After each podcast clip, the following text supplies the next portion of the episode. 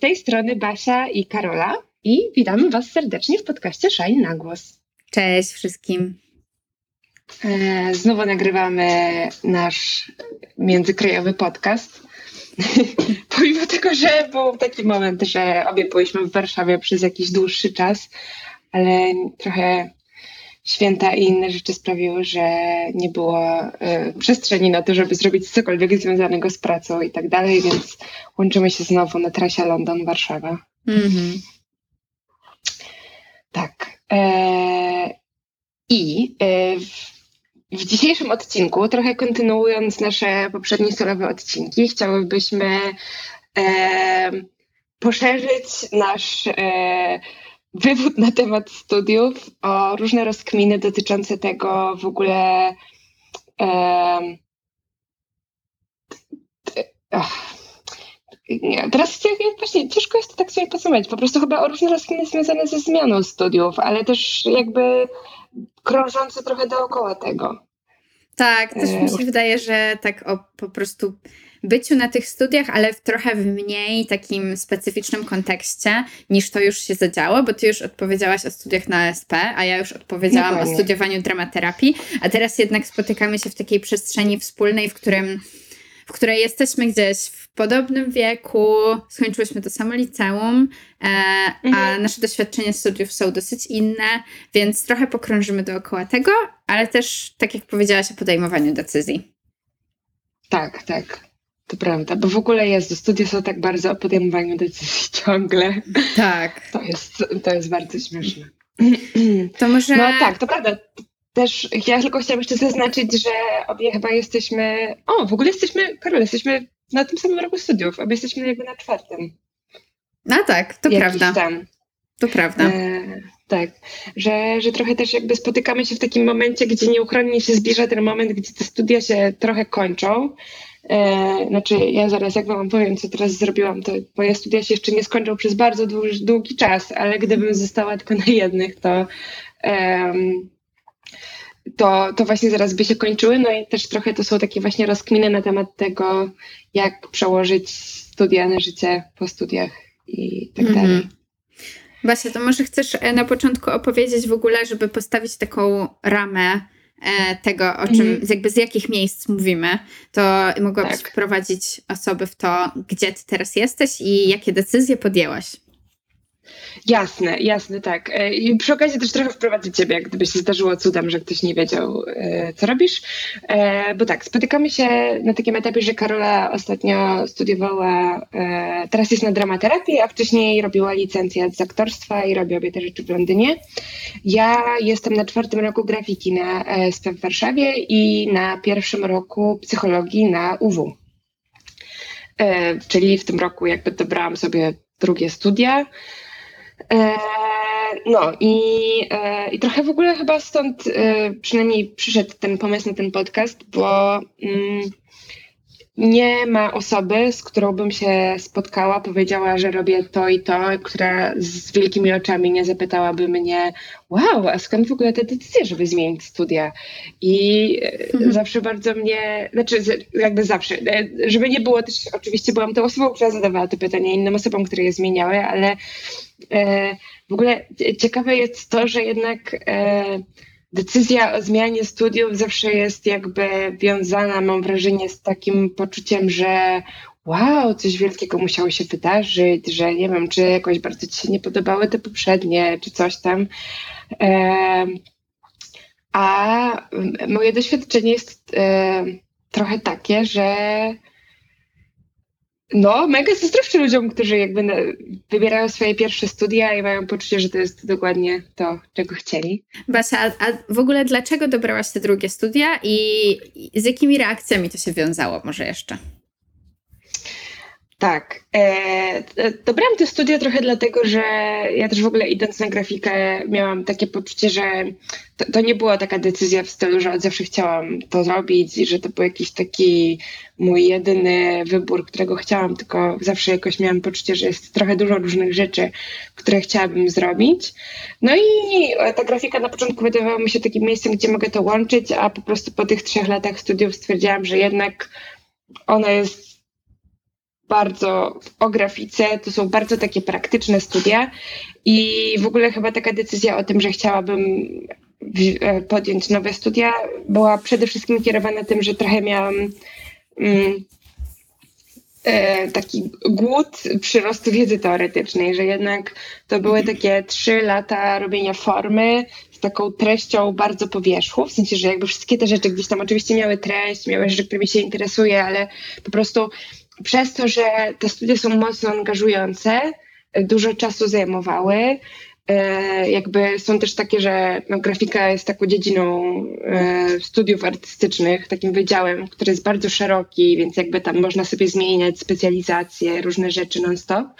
I po prostu tak naprawdę nigdy nie miałam czasu, żeby tak po prostu zgłębić jakiś taki treściowy temat tak głęboko, że to się zawsze kończyło na tym, że tu przeczytałam jakąś książkę i po prostu wzięłam ten jeden e, tryb myślenia za pewnik, a zawsze gdzieś po prostu chciałam mieć mieć takie poczucie, że, że, że jest coś też, na czym się znam nie tylko tak praktycznie, w sensie w kontekście wykonywania jakichś czynności, ale że jest jakiś taki temat, który, który znam bardziej i, i tego po prostu tam nie było. W sensie, że przez te trzy lata mam wrażenie, że ja sobie to próbowałam zorganizować że nie wiem, chodziłam na zajęcia z jakichś dodatkowych języków, zaczęłam się uczyć francuskiego, potem chodziłam na niemiecki, starałam się dużo czytać, ale po prostu to było takie angażujące, jednak ten tryb studiów, tego oceniania, tego, że masz jakieś zadania, tego coś tam po prostu sprawia, że dopóki nie miałam po prostu właśnie jakichś takich z góry narzuconego, nie wiem, merytorycznego programu, to ja się tak odbijałam od różnych rzeczy, że mm. finalnie po prostu sobie jakby, jakby to było spoko, że sobie zgłębiałam jakieś rzeczy, ale jednak ta moja potrzeba takiej, takiego wejścia w coś trochę głębiej, zrozumienia go na takim poziomie właśnie, jak sobie zawsze wyobrażałam, że człowiek na studiach ma, że, że, że gdzieś tam się przez chwilę staje jakimś specjalistą na danym poziomie, no to, to po prostu było niemożliwe e, mm. do zrobienia samemu. Przynajmniej w moim przypadku, nie wiem, może niektórzy ludzie tak mają.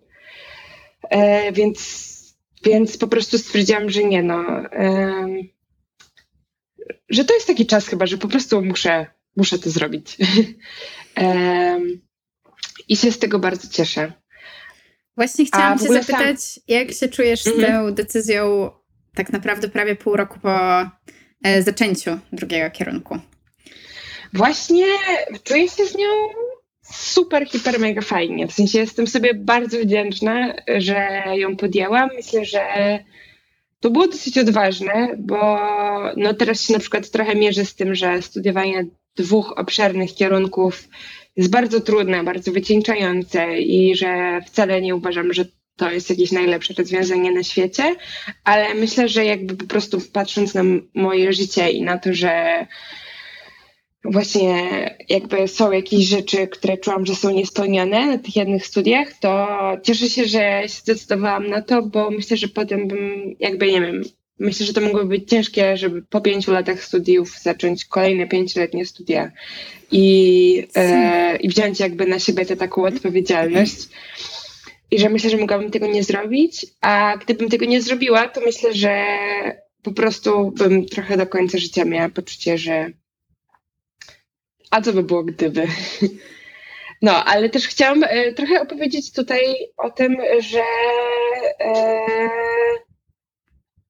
jakby takim tak zwanym kopem w dupę w moim przypadku była dosyć nieprzyjemna sytuacja, trochę takiej porażki związanej, e, o, dobra, zaraz to zabrzmi jakby że, że ta decyzja o tym drugim kierunku była zmotywowana tym, że coś tam mi się nie udało, ale trochę nie, nie o to mi chodzi, e, bo podjęłam tę decyzję, jak drugi rok z rzędu nie dostałam się na Erasmusa do szkoły, do której bardzo chciałam iść i włożyłam bardzo dużo wysiłku w to, żeby, żeby tam się dostać i po prostu okazało się, że jednak to nie wygląda w ten sposób, że Twoje sukcesy po prostu są ściśle związane z ilością wysiłku, którą wkładasz w to, tylko że są pewne rzeczy niezależne mm, ode mnie i no i tak, i że trzeba się z tym pogodzić i to trochę jakby właśnie jakby um,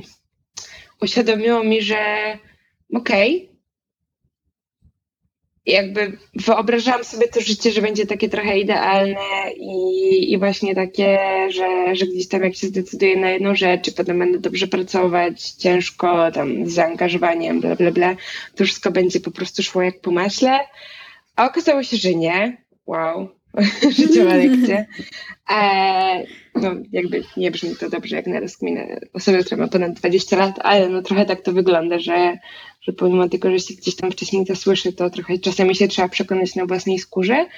I trochę mnie to zmotywowało do tego, żeby jakby przestać trochę tak karierowo traktować te studia, tylko zastanowić się, okej, okay, no to po prostu może to nie jest kwestia tylko tego, żeby jakby ciągle robić jakieś wysiłki, pnąć się po tej karierze właśnie, no bo gdzieś tam ta moja decyzja była taka, że właśnie e, chciałabym jakby iść dalej, iść dalej, poszerzyć te horyzonty, poszerzyć te horyzonty, że może jednak fajnie byłoby zobaczyć tak trochę szerzej to miejsce, w którym jestem, nie iść tym torem, który mi te studia wyznaczyły, tylko może właśnie zaopiekować się tym, że jednak jestem jakąś osobą, która pewnie będzie w życiu narażona na różne jakby mm, porażki i też jakby jakieś sukcesy i tak dalej, ale żeby nie mieć trochę takiego poczucia, że jakby moje szczęście jest dyktowane tylko tym, czy uda mi się pójść gdzieś dalej, tylko że jakby robię rzeczy, które mnie spełniają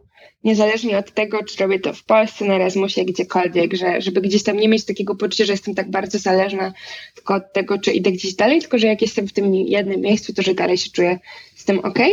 I to mnie trochę zmotywowało właśnie do tego, żeby mm, no żeby po prostu spełnić to, to, to tak, tę, mm. taką moją potrzebę i teraz osobiście mam takie poczucie, że właśnie, że gdzieś tam bardziej to jest o tym, e, takim zrównoważeniu po prostu różnych potrzeb związanych z pracowaniem, robieniem rzeczy i tak dalej.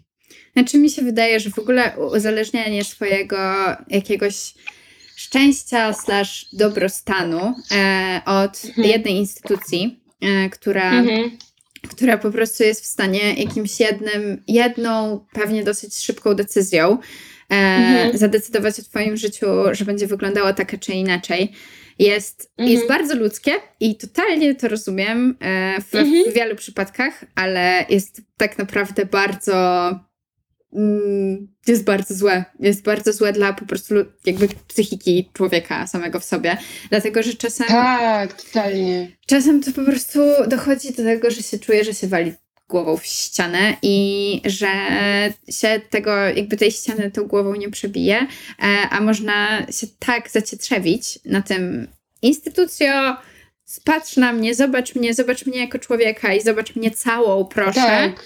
A de tak. facto bardzo często jednak bardzo często jednak nie ma takiego głębokiego wejścia w te, w te różne systemy, czy to rekrutacji, czy to czasem pewnie w innych przypadkach też można by to było analogicznie przełożyć, ale wydaje mi się, że to jest bardzo ważne w kontekście studiów, dlatego że e, jest bardzo dużo takich zawodów i zawody artystyczne są na pewno świetnym przykładem, kiedy e, się czuje, że się e, jest kompletnie uzależnionym w tak, życiu. totalnie od, od tych wielkich właśnie, wielkich nazwisk, wielkich, wielkich budynków, e, wspaniałych, e, sławnych instytucji e, i że albo wóz, albo przewóz.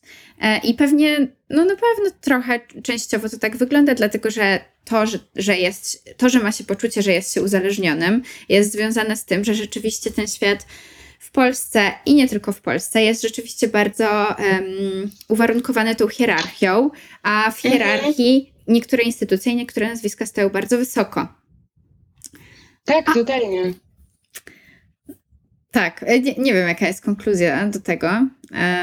Nie, nie, jak najbardziej. Ja sobie w ogóle pomyślałam, Karola, o tym, że nie wiem, czy ty trochę też tak miałaś, ale że to się trochę łączy z jakąś taką. Mm, nie wiem, e, trochę taką naturą naszych czasów, że my jednak żyjemy taką projekcją czyjegoś życia i że dopiero na własnej skórze się trzeba przekonać, że jakby te rzeczy, które my widzimy na nie wiem, na Instagramie, na fejsie, jakichś mediach społecznościowych, że w przypadku, gdzie ludzie pokazują tylko jakby jakieś takie plusy swojej drogi, że, że one też mają jakieś tam minusy, które są e, niewypowiedziane i że często mm, jakby tak planujemy swoje życie, że jakby my na przykład idąc na jakieś studia, czujemy, że będziemy z nich usatysfakcjonowani tylko jak spełnimy, nie wiem, tam 10 podpunktów, które sobie wcześniej zaplanujemy, a prawie nigdy to się nie udaje, to jakby się zmienia w trakcie i tak dalej.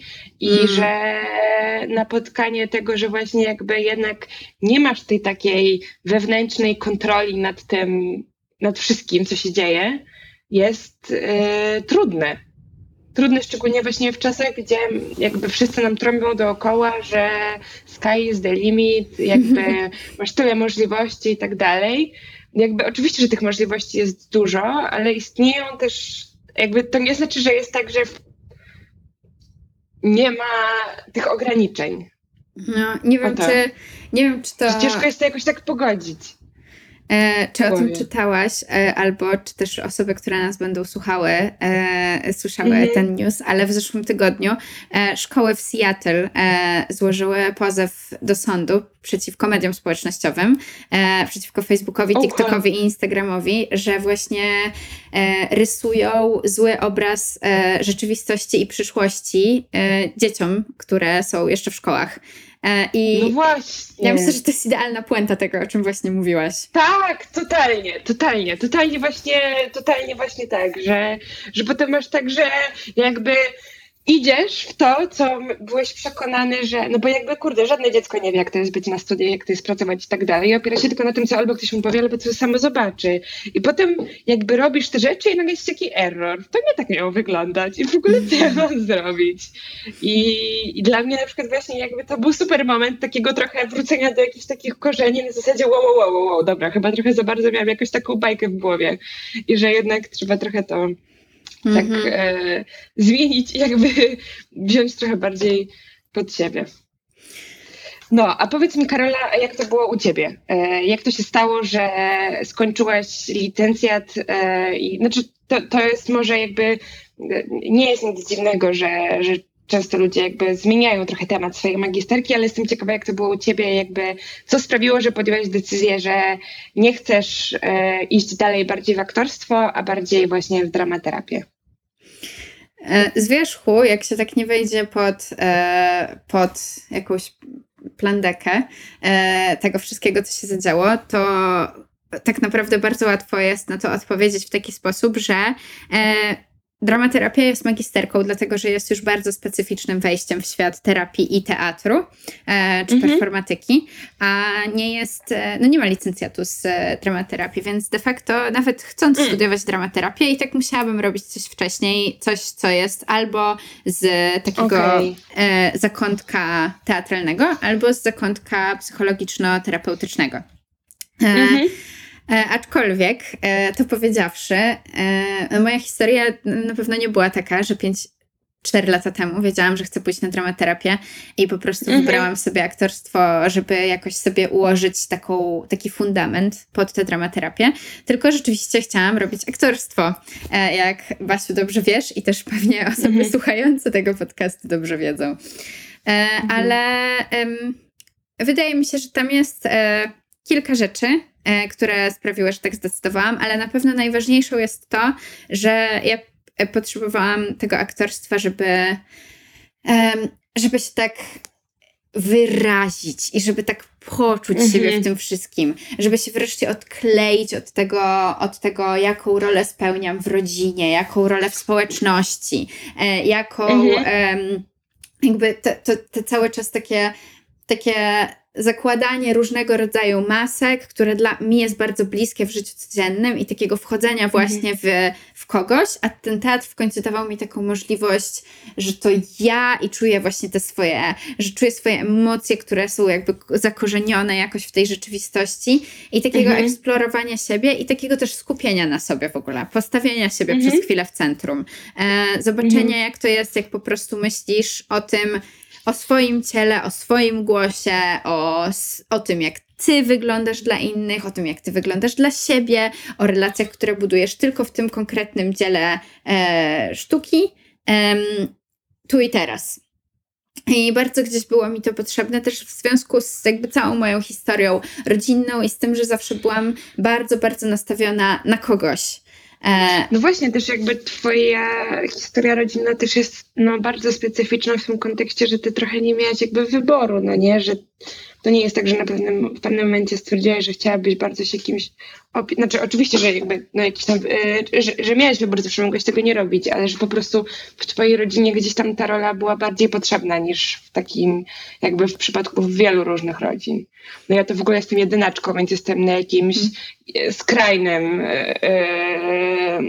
yy, w skrajnym miejscu tego spektrum, mm-hmm. jakby bycie dla innych, w ogóle akceptowanie i tak dalej, więc nawet nie mogę sobie tego wyobrazić.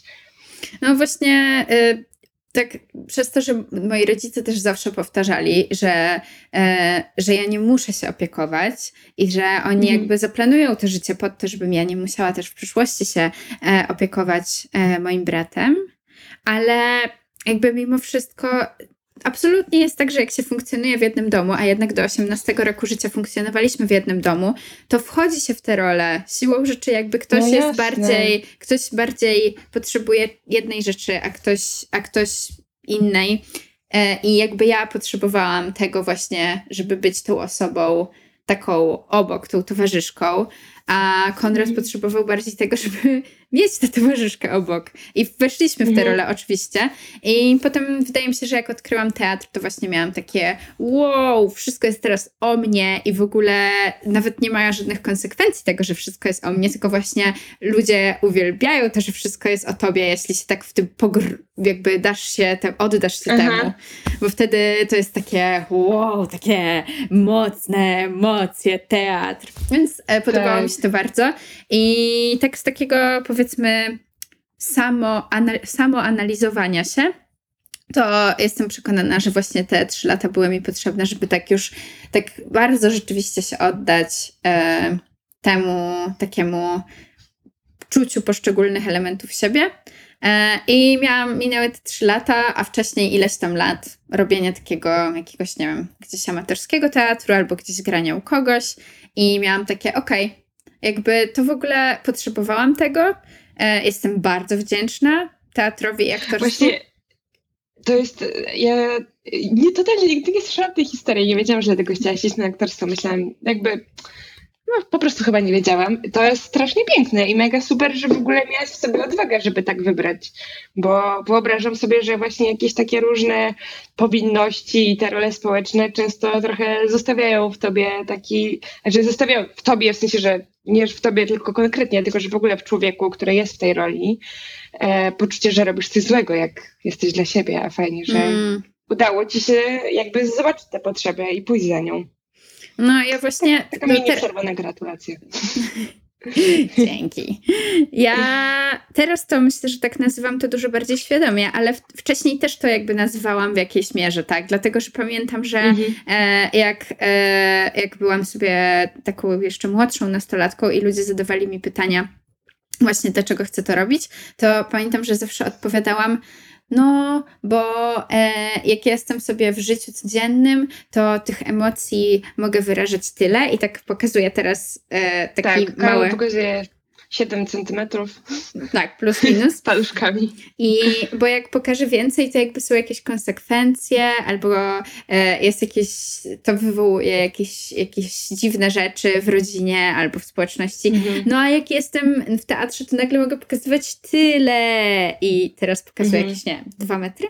Coś takiego. Nie, no nie masz tyle w rękach, metr, ale pewnie wizualnie to jest Dwa metry. W, no w każdym razie dużo więcej. E, więc jakby no. na jakimś poziomie to nazywałam już wtedy. Teraz jak, mhm. jak sobie jakby to rozkminiam jakoś głębiej, to, to jeszcze rozszerzam to wytłumaczenie. I tak, no i też zawsze byłam świadoma tego, już tak kończąc ten e, wątek, że e, chciałabym w jakiś sposób połączyć moje życie zawodowe właśnie z tą e, rolą towarzyszki mojego brata, dlatego że e, strasznie nie chcę mieć takiego, e, bardzo chciałabym mieć to życie takie spójne, a nie takie rozwalone, że mam jakąś pracę, do której jadę, potem wracam, spędzam, nie wiem, pół godziny z moim bratem, potem jadę do mojego mieszkania e, i nie wiem, mhm. idę powiedzmy na spacer z psem, że to wszystko, jakby ja bardzo potrzebuję takiej spójności i bardzo potrzebuję połączyć mhm. ze sobą te różne elementy. Dlatego chciałabym robić coś takiego, co pozwalałoby mi właśnie połączyć tę ścieżkę taką zawodową i osobistą. E, mhm. No i dramaterapia wydaje się idealna. To prawda. To prawda, ale w ogóle to trochę brzmi właśnie jakby też trochę tak, jakbyś sobie po prostu w pewnym momencie uświadomiła, że ty jesteś Karolą Kosecką, a nie aktorką. Mm. Że możesz być Karolą aktorką i tak dalej, ale że jakby no, że to jest dużo bardziej złożone, bo w ogóle pomyślałam sobie też o tym, jak mówiłaś teraz, że to jest przedziwne, że e, ludzie, którzy bardzo rzadko, mam wrażenie, że to się zdarza, że jakby interesuje ich tylko jedna rzecz, tylko są bardzo złożeni, mają swoją, e, swoją historię taką właśnie prywatną, że rodzina taka, a nie inna, że cechy takie, a nie inne, że jakieś tam doświadczenie życiowe i tak dalej, którzy zazwyczaj jest tak, że nie wiem, są dobrzy w jednym, ale szanują mega drugie. Jeszcze dodatkowo mają jakieś poczucie misji albo w ogóle czegoś, co po prostu chcieliby robić, a jeszcze oprócz tego mają po prostu swoje hobby mm. i nie wiem, coś co po prostu albo chodzili na jakieś zajęcia dodatkowe, albo po prostu od zawsze lubili robić i tak dalej, że jakby jesteś takim człowiekiem, który jest bardzo złożony i to jest w ogóle przepiękne w ludziach i mam wrażenie, że to jest super, a potem przychodzi taki moment, że każą ci wybrać jedną rzecz, na którą ty nagle poświęcisz całą swoją energię, cały swój czas i jak to w ogóle zrobić? Tak, ja myślę, że to jest, e, to jest takie trudne, dlatego że w ogóle w, w jakby jak obserwuję moich znajomych, jak obserwuję ludzi w naszym wieku i samą siebie, mhm. to naprawdę nikomu nie wystarcza w tym momencie bycie zainteresowanym jakby jedną konkretną rzeczą. Już nie mówiąc o tym, no. że licea, licea są w taki sposób zapro zaprojektowane, że bardzo często ta jedna rzecz nie jest pokryta przez po program liceum, więc bardzo często jest tak, że o, jakby, totalnie. że robisz szkołę, a jednocześnie masz coś takiego dużego, na przykład, nie wiem, grasz na instrumencie, więc robisz na przykład drugą o, no. szkołę, ale jeszcze tak. do tego mm, bardzo często właśnie... Albo właśnie chodzisz na zajęcia z teatru, które też zajmują dużo czasu, albo z rysunku, które zajmują, nie wiem, 5 godzin tygodniowo, czy 6 i też musisz to robić po. Tak, spoczko. E, I jeszcze jakby jest szkoła, tak serio myślisz w życiu, że gdzieś masz ten instrument, albo e, rysowanie, albo robienie grafik, albo e, robienie teatru, a jeszcze na dodatek jakby jeszcze dochodzi do tego ten, że no nie wiem, robisz wolontariat, albo robisz jakiś aktywizm, albo robisz właśnie po prostu, albo mhm. masz hobby jakieś, które robisz, nie wiem, mhm. raz w tygodniu. I potem takie zawężenie tego, to jakby studia są na tyle intensywne, że czasem naprawdę mhm. to życie się Nie nagle zawęża do nich, a jeszcze szczególnie jak na przykład jest mnóstwo ludzi, którzy muszą zacząć wtedy też pracować, no to jakby już o. wtedy naprawdę po prostu masz tę jedną rzecz i pracę i to jest wszystko, co się mieści w 24 godzinach. Tak, totalnie a często i tak masz ich za mało i ograniczasz sen albo inne rzeczy, które w ogóle po prostu powinny sprawiać, że jesteś w stanie przyjąć jakiekolwiek wyzwania w ciągu dnia. No. Ale właśnie. Ja, ja chciałam w tym momencie tego, tego podcastu powiedzieć dla osób, które są może wcześniej, e, że jeszcze nie są na studiach, idą na nie czy coś, że to się nie, znaczy, że to poczucie złożoności człowieka ono nie mija. że ja mam wrażenie, że właśnie przychodzi taki moment, że sobie przypominasz o tym, tak, zapomniałam, że ja nie jestem robotem. W sensie, że nie jest tak, że mogę sobie nagle powiedzieć, przestań interesować się innymi rzeczami. I że myślę, że to by było super, gdyby umieć już na wstępie jakby być na tyle pogodzonym, chociaż to też jest trudne, no bo jak idziemy na studia, no to też w ogóle nie jesteśmy, to nie jest taki moment, jak masz te 18-19 lat, kiedy po prostu jesteś w pełni dojrzały, że jeszcze różne twoje poglądy, rzeczy się zmieniają i tak dalej. Więc w ogóle może właśnie to jest ten fajny moment, jak masz te 20 parę lat, już masz trochę studiów ze sobą i ja osobiście uważam, że decyzja o moich drugich studiach jest dużo bardziej świadoma niż o tych pierwszych, mm. że jakby dopiero wtedy uświadamiasz sobie, co jest dla ciebie w życiu ważne, jakie wartości, jakby na co w tym świecie czujesz, że serio chciałbyś i to chciałbyś jest bardzo złożone, w sensie chciałbyś, bo ci to sprawia frajdę, chciałbyś, bo uważasz, że to jest ważne, chciał, chciałabyś, bo yy, nie wiem, lubisz tak spędzać czas i, i to jeszcze ma dużo różnych innych podpunktów, to chciałabyś, to nie jest takie proste, tylko jest właśnie, to jest takie bardzo egzystencjalno-filozoficzno złożone podejście do życia, na które się trochę decydujesz i że to jest właśnie taki, taki no nie wiem, trudne to jest i mam wrażenie, że wcale nie każdy ma właśnie możliwości na to, żeby jakby sobie tę refleksję drugi raz podjąć, że nie każdy też ma jakieś takie przyzwolenie społeczne na to, hmm. bo na przykład, nie wiem, jesteś lekarzem, prawnikiem, cokolwiek, jesteś w trakcie czegoś, co jakby nie możesz tego tak na przykład łatwo zmienić, jak nie wiem, studiowanie na przykład kulturoznawstwa, które i tak ci jakby dało ileś rzeczy, które się dowiedziałeś i, i potem po prostu możesz jakby z tą wiedzą pójść dalej, tylko że gdzieś są takie zawody, które trochę wymagają od ciebie tej konsekwencji. To musi być mega trudne. Hmm. Ale też myślę sobie o tym, że mm, że życie na studiach nie wygląda tak jak życie po studiach i że przez to, że to, mhm. to jest takie, takie konsumujące, to o czym ty mówiłaś, że jakby mhm. człowiek, że chcesz powiedzieć wszystkim, że człowiek nie traci tych wszystkich różnorodności w sobie, mhm. e, a może się trochę wydawać, że musi, e, bo musi się tak Totalnie, to jest to. To jest to, że masz takie poczucie, że właśnie musisz się tego pozbyć, bo świat od ciebie wymaga tego, żebyś się zawęził. Trochę na pewnym etapie, nie? Mm, do, dokładnie, dokładnie tak. I podjął też decyzję, która właśnie w, może się wydawać dosyć nieuchronna, chociaż pewnie jest uchronna w wielu przypadkach, e, ale, ale wydaje się taka definiująca wszystko później. Mhm. E, tak, tak, tak. Tylko, że właśnie życie na studiach nie wygląda tak jak życie po studiach, a przez to, że, że tak musimy się czasem zatopić, to wydaje się, jakby już, jakby to był ten, ta, jakby to była ta meta, e, że jakby te, mhm. to, to dążenie do tego, ten, podjęcie tej wielkiej decyzji, gdzie chcesz iść na te studia, potem to takie zatopienie się w nich i w tym, co na nich robisz i takie też intensywne poznawanie ludzi, bo nagle spędzasz z jakimiś ludźmi po prostu 8 godzin dziennie, codziennie. E, mhm jakby czasem się to, ja tak często mam, że mi się wydaje, że to jest jakaś, że to jest jakaś moja meta, że po prostu zrobiłam tak strasznie dużo, żeby być tu, gdzie jestem, że wyprowadziłam się do innego kraju, wzięłam kredyt studencki, aplikowałam o mhm. milion stypendiów, ileś, któreś z nich dostałam. Um, jakby e, pracuję w pięciu pracach, żeby pokryć to wszystko e, mhm. i, i mi się jakby po prostu czuję, że tak dużo w to włożyłam wysiłku, w co mhm. prawdopodobnie nic w moim życiu, więc mam takie poczucie, no to ale dojechałam, ale dojechałam. Tylko, że właśnie mhm. to, to, jest tak, że w ogóle nie dojechałam, bo tak naprawdę te studia to jest dosłownie most do tego, żeby robić coś dalej a, mhm. nie, a nie jakby wyspa, na której e, będziesz, będę teraz mieszkać przez. Znaczy, trochę to jest wyspa, na której będę mieszkać przez dwa lata, ale jednak dużo bardziej to jest most, który będę przez dwa lata przechodzić. E, mhm. Tak, tak, to prawda, że gdzieś to na celu ma nie bycie w tym miejscu, gdzie jesteś teraz, tylko coś, co będziesz robić potem, no nie?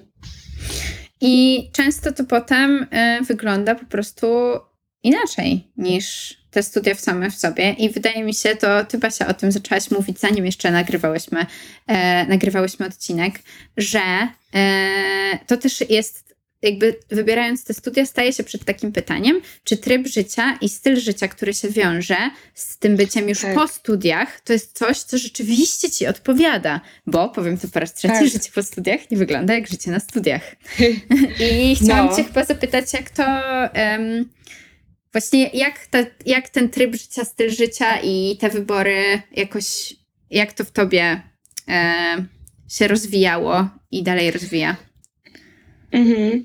No u mnie właśnie takie zorientowanie się um, właśnie o tym trybie życia było jakimś w ogóle e, bardzo wieloma e, punktami zwrotnymi, bo no też e, grafika to jest właśnie, tak, grafika jest na ESP, więc jest to jakby oczywiście jakaś tam artystyczna dziedzina, ale no jest to trochę czymś innym niż na przykład rzeźba czy malarstwo, które w jakimś sensie trochę jakby fizycznie ta czynność jest dalej taka mocno artystyczna, że jakby oczywiście można pójść na grafikę i na przykład tak jak e, Ula e, robić trochę grafiki warsztatowej i gdzieś tam wtedy to, to ta artystyczność sobie ma, ale jest też bardzo wiele takich aspektów e, projektowej grafiki, które po prostu jakby są czymś, co jakby po studiach, po momencie, gdzie po prostu masz jakieś twórcze zadania, miejsce na ekspresję artystyczną, jakby w ogóle dużo e, jakby swojej inwencji i tak dalej. Potem kończy się to w ten sposób, że masz jakiegoś zleceniodawcę, który po prostu każe ci odwalić robotę. I teraz w zależności od tego, kim on jest, trochę jakby tego typu pracę musisz wykonać. I no, nie wiem tak szczerze, czy w ogóle kiedykolwiek znajduje się, jeżeli sam nie tworzysz tego kontentu, czy znajduje się kogoś, kto jakby spełniałby twoje potrzeby, w sensie jakby chciałby naprawdę tego, żebyś po prostu ty się w tym wyraził, że to gdzieś tam potem wygląda w ten sposób, że, że jesteś tą osobą od tej oprawy graficznej, której e, jakby ilustrujesz czyjąś myśl, w dodatku siedzisz przed kąpem i dłubiesz, a, i, a trochę to totalnie nie jest to, o czym. W sensie, że nawet jak wiesz przed pójściem na te studia, że to się może tak skończyć, no to ciężko sobie wyobrazić, co to znaczy, a trochę mam wrażenie, że jakby to jest zupełnie gdzieś indziej niż jakiekolwiek luźne myśli o życiu artystycznym, twórczym i tak dalej. Mhm. Że, że gdzieś tam to siedzenie przed kąpem i, i właśnie jakby dłubanie w rzeczach, które po prostu trzeba jakoś tam przygotować, żeby wyglądały tak, a nie inaczej, jest yy, yy, no, no to jest taka po prostu bardzo praktyczna, żmudna praca. No.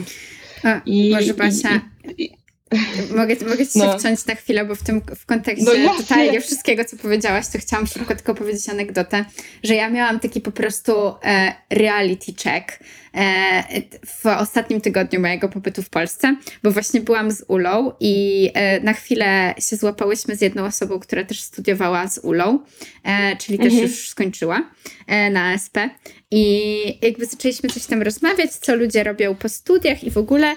I Ula w pewnym momencie jakby tam pod, powiedziała o jakiejś jednej osobie i, powie, i powiedziała, że mhm. ta osoba się jakby utrzymuje z właśnie takiego po prostu właśnie bycia artystą, z jakby cały mhm. czas robienia takich totalnie artystycznych rzeczy, nie pod jakiegoś tam bossa, którego ma. E, mhm. I, i, I e, tak Ula na mnie spojrzała i właśnie powiedziała, no jakby utrzymuje się z życia jako artysta, rozumiesz to? I ja sobie pomyślałam, no. Jeju, jakby ktoś, w sensie, że teraz, jakby teraz to ja w ogóle mam takie, no wow, i że totalnie rozumiem no. to, co się dzieje. Ale jakby taka sytuacja miała miejsce w liceum i ktoś by mi coś takiego powiedział w liceum, albo byłabym obserwatorką takiej sytuacji w liceum, no. to bym miała takie, nie, nie rozumiem kompletnie o co chodzi, w sensie tak, przecież to jest normalny zawód, pewnie ludzie tak robią. Dokładnie, przecież... To jest zajebiście trudne. My wszyscy, cała nasza klasa przecież właśnie tak będzie pewnie się kiedyś utrzymywać, o co chodzi. Ale no. właśnie reality check. No, totalnie tak, totalnie, totalnie tak. Też nawet właśnie też o tym rozmawialiśmy przed nagraniem podcastu, że Karola powiedziała, że no właśnie gdyby ktoś robił coś takiego artystycznego, no to gdzieś tam może te realia pracy później byłyby w miarę podobne do tego na akademii, a ja byłam taka wait, wait, wait. Jakby akademia to jest miejsce, które jakby by default mówi ci, że to co robisz ma sens i że jest grupa ludzi, która od ciebie tego oczekuje. A potem kończysz te studia i co? Czeka ktoś na ciebie, który ci mówi, dam ci pieniądze za to, żebyś się wyrażał? No mm. nie. Mm. jakby, mm. I teraz połowa twojego życia musi trochę jakby być nagle przekierowana na zupełnie inne tory, na jakiś marketing, na jakiś w ogóle PR, na jakieś, nie wiem, musisz założyć własną firmę i nagle zostać, nie wiem, jakimś biznesmenem, rzeczy, których naprawdę nie chcesz robić często jako artysta, żeby po prostu doprowadzić się do momentu, albo zapłacić komuś, kto będzie to robił za ciebie, ale wracamy tutaj do momentu, że najpierw musisz mieć coś, z czego temu komuś zapłacić, albo godzić się na to, że będziecie zarabiać wspólnie, a często i tak z tej sztuki, w sensie oczywiście, że są ludzie, którym się to udaje i że, że trafią do jakichś fajnych instytucji i tak dalej, też myślę, że jak się nie żyje w Polsce, tylko właśnie w jakichś takich takich krajach, gdzie, znaczy, że, że, są takie kraje, gdzie, gdzie jakby ten zawód artysty jest trochę bardziej szanowany jako taki normalny zawód. W Polsce to nie jest takie proste. E, przynajmniej mam poczucie po prostu, że jest więcej ludzi, którzy chciałoby, którzy chcieliby to robić niż miejsc zapewniających mm. ich takie poczucie stabilności z tym związane. No, że jednak e, to nie jest proste. A, a ja też nawet właśnie chciałam powiedzieć z takiej perspektywy właśnie kogoś, kto, ja na przykład idąc na SP chyba nigdy nie myślałam o tym, że chciałabym zostać artystką taką właśnie, że robić jakieś prace i je wystawiać i tylko się wypowiadać, e, tylko że właśnie gdzieś tam e, mnie ciągnęło do tego, żeby, żeby współpracować z kimś, trochę pomagać mu jakby swoje myśli kreować i tak dalej, że nawet to, takie coś, co wydawało się być bardzo realne, bardzo takie o tym, że nie, no jestem świadoma tego, że nie wszystko idzie tak pięknie, strasznie trudne. I teraz jakby właśnie robiąc ileś takich różnych jakichś mikrozleceń na studiach, mam takie ja nie wiem, czy to wcale jest fajne, bo często jest tak, że jest ktoś, kto ma jakąś wizję i, i on jakby przez to, że żyjemy w jakimś mocno, mm, no właśnie świecie, gdzie dużo rzeczy musi być przez, jakby, że ta grafika często jest po prostu czystym marketingiem, jakby chce dotrzeć do jak największej ilości osób, Często też jest tak, że mówi ci, że wie najlepiej, jak to zrobić, i ty pomimo tego, że te pięć lat spędziłeś nad głowieniem się tego, jakby co by było fajne, co by było mniej fajne, musisz robić często rzeczy, które w ogóle jakby uważasz, że są średnie mocno. W sensie może nie brzydkie, ale że totalnie to nie jest to, co chciałbyś się pod tym podpisać, ale że no jakby styl to jest trochę dla kogoś i że niestety ten mit o tym, że zawsze można wypracować jakiś wspólny kompromis, że to, że to może być gdzieś jakby o połączeniu tych dwóch światów i że, że ludzie generalnie szanują to, no, to się czasami zdarza, ale to, to nie jest jakaś norma. I bardzo dużo moich znajomych, którzy są jacyś właśnie w takim świecie ogólnograficznym no, kończy w jakichś agencjach marketingowych, gdzie często jakby nie wytrzymuje więcej niż ileś tam lat. Robi takie rzeczy po prostu, które im wleciały w ręce i które dają im możliwość utrzymania się i są tacy średnio fulfilled. I tak jest, tak jest naprawdę z, myślę, że z jakąś większością w ogóle zawodów, że to, co się robi, to, czego się doświadcza w trakcie studiowania, jest bardzo odklejone od rzeczywistości późniejszej. Tak. Moja, moja mentorka na poprzednich jeszcze studiach, E, znaczy, ona była poza studiami, ale jakby w tym okresie poprzednich studiów. Ona skończyła mhm. drama school e, i zaczęła pracować właśnie w zawodzie jako aktorka i pracowała przez kilka lat, ale tak ją, e, tak ją wykańczało to, to całe wysyłanie self-tape'ów, bycie w kontakcie cały czas z no. agentem, z agencją, e, mienie kontraktu, który od niej wymaga bardzo określonych rzeczy, e, że mhm. potem po 11 latach została agentką. E, ponieważ stwierdziła, że musi przejść na drugą stronę tego i przestała w ogóle być aktorką. A, a, teraz mhm. w ogóle y, poszła w wieku tam, nie wiem, 40 lat na studia ze sztuki wizualnej. Nie wiem jakiej konkretnie, no. ale, ale po prostu mówię o tym dlatego, w sensie podałam jej przykład dlatego, że um, dlatego, że właśnie ona jest taką osobą, która mega kochała aktorstwo i ona mi powiedziała, że ona każdego dnia z tym tęskni, codziennie z tym tęskni, ale że jakby przeładowa- poziom przeładowania i ciężaru, który musiała mhm. ze sobą nosić, e, robiąc wszystkie rzeczy dookoła aktorstwa, które zajmowały 95% czasu jej pracy, były mhm. za dużo do udźwignięcia. I to jest tak bardzo okej. Okay. Jakby podjęcie tej decyzji tak. jest tak bardzo okej. Okay. Tylko myślę, że właśnie to jest bardzo, że czasem fajnie jest gdzieś na początku tej drogi zadać sobie to pytanie, czy ta rzeczywistość tego zawodu mi odpowiada, bo Ta, można tak. sobie też oszczędzić dużo, dużo frustracji, ale czasem też jest tak, że, Absolutnie. Na, że dopiero jak w tym jesteś, to oczywiście to odkrywasz. Tak, tak i to też jest okej okay. I, i, i zastanawiam się, jaki wniosek można z tego wysnuć na zasadzie takiej, jak można byłoby uniknąć trochę tego takiego zawodu, w sensie zawodu zawiedzenia. E, że właśnie chyba trochę nie wymagać od tego, żeby te studia były takie perfekcyjnie idealne, no nie? Że, hmm. że gdzieś jakby dawać sobie ciągle czas na to, że no, że ty nie musisz się wpisywać w te ramy tego, co jakieś studia ci oferują, że, że gdzieś tam dalej mieć taki czas na to, żeby mm, żeby to bardziej tak z, personifikować, znaczy tfu, personalizować. Tak. tak.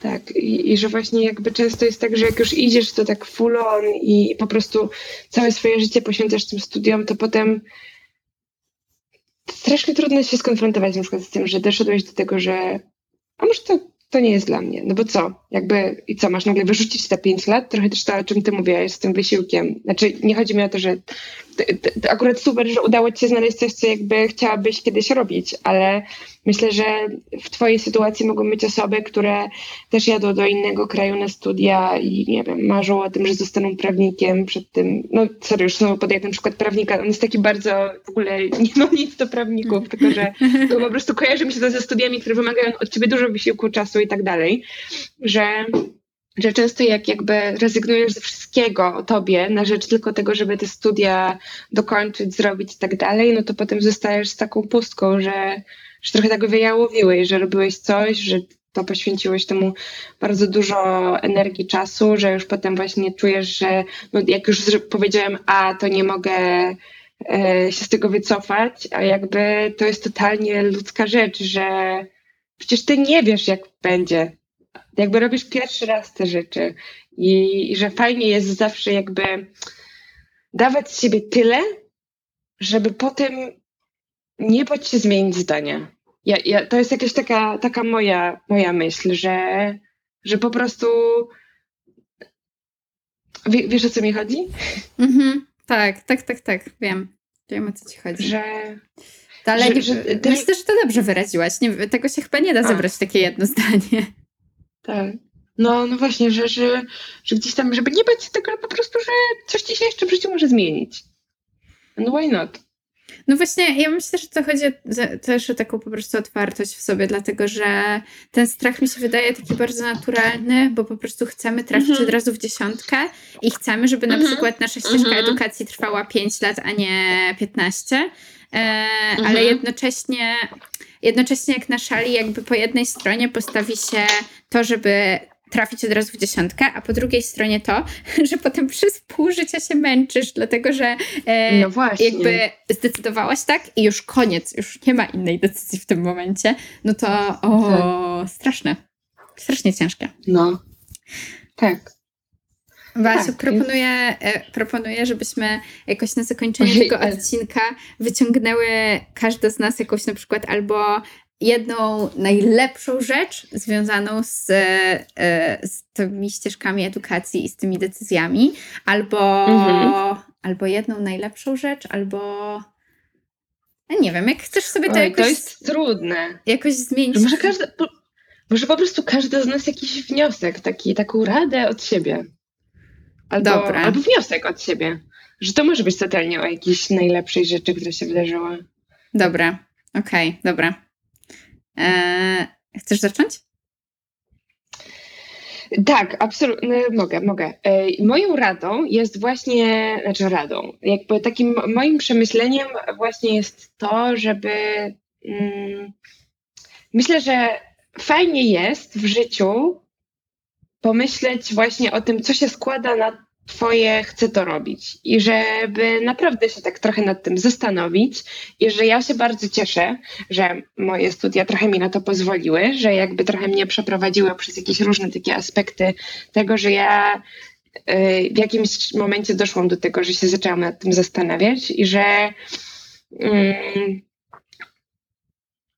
że właśnie jakby, że, że to personalne, co to znaczy moje chcę, jest jedną z istotniejszych rzeczy, że dla jednego to będzie na przykład nie wiem, tak jak dla mojej mamy, która pracuje w korpo, ona się super cieszy, że ma pracę ósma, szesnasta, czy tam dziewiąta, siedemnasta, że potem ma czas na to, żeby robić swoje rzeczy i że, że jakby gdzieś tam chce się realizować potem. I jakby jej chce jest takie, że czyjeś inne może być takie, że chce, żeby po prostu moja, moje studia, moja jakaś tam przyszłościowa praca była głównie o, o jakimś takim właśnie moralnym aspekcie, że jeden chce bardziej pomagać, drugi chce chcę być właśnie bardziej dla siebie i że chciałabym po prostu każdemu powiedzieć, że proszę, bierzcie swoje chce, a nie czyjeś, bo, mm. bo to jest mega ważne, tak mi się wydaje. To jest jakieś takie moje przemyślenie w ogóle. Hmm. E, ciężko się pozbyć, znaczy ciężko, jakby fajnie jest się nie pozbywać siebie po prostu w życiu i że jakby iść e, w zgodzie ze swoimi potrzebami, e, jakby oczekiwaniami, chęciami i tak no. Tak, i że to też może być bardzo specyficzne, i że czasem jest bardzo specyficzne, tak. i że to jest że to jest jakby normalne, że to jest bardzo specyficzne. Tak. Że ja jak, posz, jak jakby te, te, moje studia z dramaterapii, mi się wydawało, że dramaterapia już sama w sobie jest taka bardzo konkretna, a potem nagle poszłam na nią i dowiedziałam się o sobie, że chcę pracować strasznie konkretną techniką dramaterapeutyczną, którą jest ruch z dźwiękiem mhm. i z dotykiem i z bardzo konkretną mhm. grupą klientów, którymi są osoby w spektrum, które są jeszcze pozawerbalne na dodatek, więc to już jest tak mhm. bardzo specyficzne, że jakby, że, że pewnie jest w ogóle mam nie, nie tak dużo takich ludzi konkretnie jakby wybierających takie, takie dwie rzeczy, ale, e, ale it's fine. Mhm. Totalnie. Totalnie, totalnie, totalnie. I tak łatwo jest zrezygnować z czegoś takiego po prostu dlatego, że to nie jest często uczęszczane, no nie? Że tak. jakby ciężko się potem, znaczy, że i tak się nie pozbędziesz tego, że chciałabyś to robić. Mhm. Więc fajnie tak. jest to po prostu tak zaakceptować i, i polubić. Mój wniosek e, końcowy jest taki, że mm, Mój wnioskowy, koń, e, mój wnioskowy koniec, chciałam powiedzieć, mój wniosek mm. końcowy albo mój mm -hmm. koniec wnioskowy e, jest e, taki, że nie wiem, chyba chcę, chcę sobie dać teraz jakoś bardzo dużo ukochania ponad to, bo przez to, o czym rozmawiałyśmy przed tym odcinkiem i przez to, że po prostu mam teraz takie, Boże, muszę być w tym innym kraju, w którym nie ma moich braci, mm. moich psów, mojego partnera i wszystkiego i jeszcze cały czas składać te wnioski o kolejne stypendia, bo zaraz w styczniu trzeba mm -hmm. płacić, płacić kolejną ratę za tę szkołę e, i mm. pisać kolejne listy motywacyjne i przez to, że jestem takim, tym, w takiej dynamice rzeczywistości, to chyba po prostu e, chcę sobie tak na koniec powiedzieć tutaj, że, że, że wow, i że w ogóle sobie nie wyobrażałam tego parę lat temu, że będę w stanie to wszystko udźwignąć, a że to dźwigam i że na pewno są ludzie, którzy dźwigają dużo więcej, ale że dla mnie to, to chyba jest mój limit. E, I zauważyć nie, no, to jest mega dużo. Tak, to jest bardzo, to jest super wniosek. Ja ci mega, Karola, gratuluję. Ja nie wiem, czy ja bym była w stanie robić te rzeczy. Także... Jezu, Basia, ale ty strasznie dużo robisz, stara. Tak, ale właśnie, że każdy robi trochę inne. To, to jakby, prawda. No, ale że chciałam powiedzieć, że to jest faktycznie bardzo dużo i że jesteśmy dzielne. Dzielne. Naprawdę. Proszę. I że super, że w tej trudności i tak masz jakby przestrzeń i czas na to, żeby mieć taką po prostu refleksję nad tym. Hmm. No, tak e, czułam, że po prostu jak powiem cokolwiek innego, to to będzie nieszczere. Więc mhm. po prostu potrzebowałam chyba powiedzieć właśnie to. Tak, bo jeszcze na koniec tego podcastu chciałabym tylko nadmienić, że obie jesteśmy z Karolą w takim miejscu, gdzie jest nam trochę trudno akurat. Tak. I że, że pomimo tego, że ten podcast ma taki dosyć pozytywny wydźwięk, to, to że właśnie trochę skłoniły nas do tego różne jakieś takie trudności, na które się natknęłyśmy i że mm-hmm. niestety czasem się trzeba z tym zmierzyć. No, zanim zaczęłyśmy dla Was nagrywać, to tak, nie wiem, z pół godzinki sobie rozmawiałyśmy o smutach i glutach i potem włączyłyśmy i już tak wszedł trochę taka inna, inny tak. mood, ale a ja jestem trochę smutno.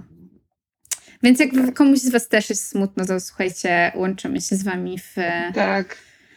miłosnym uścisku. Tak, w bezśnieżnym, zimnym początku roku.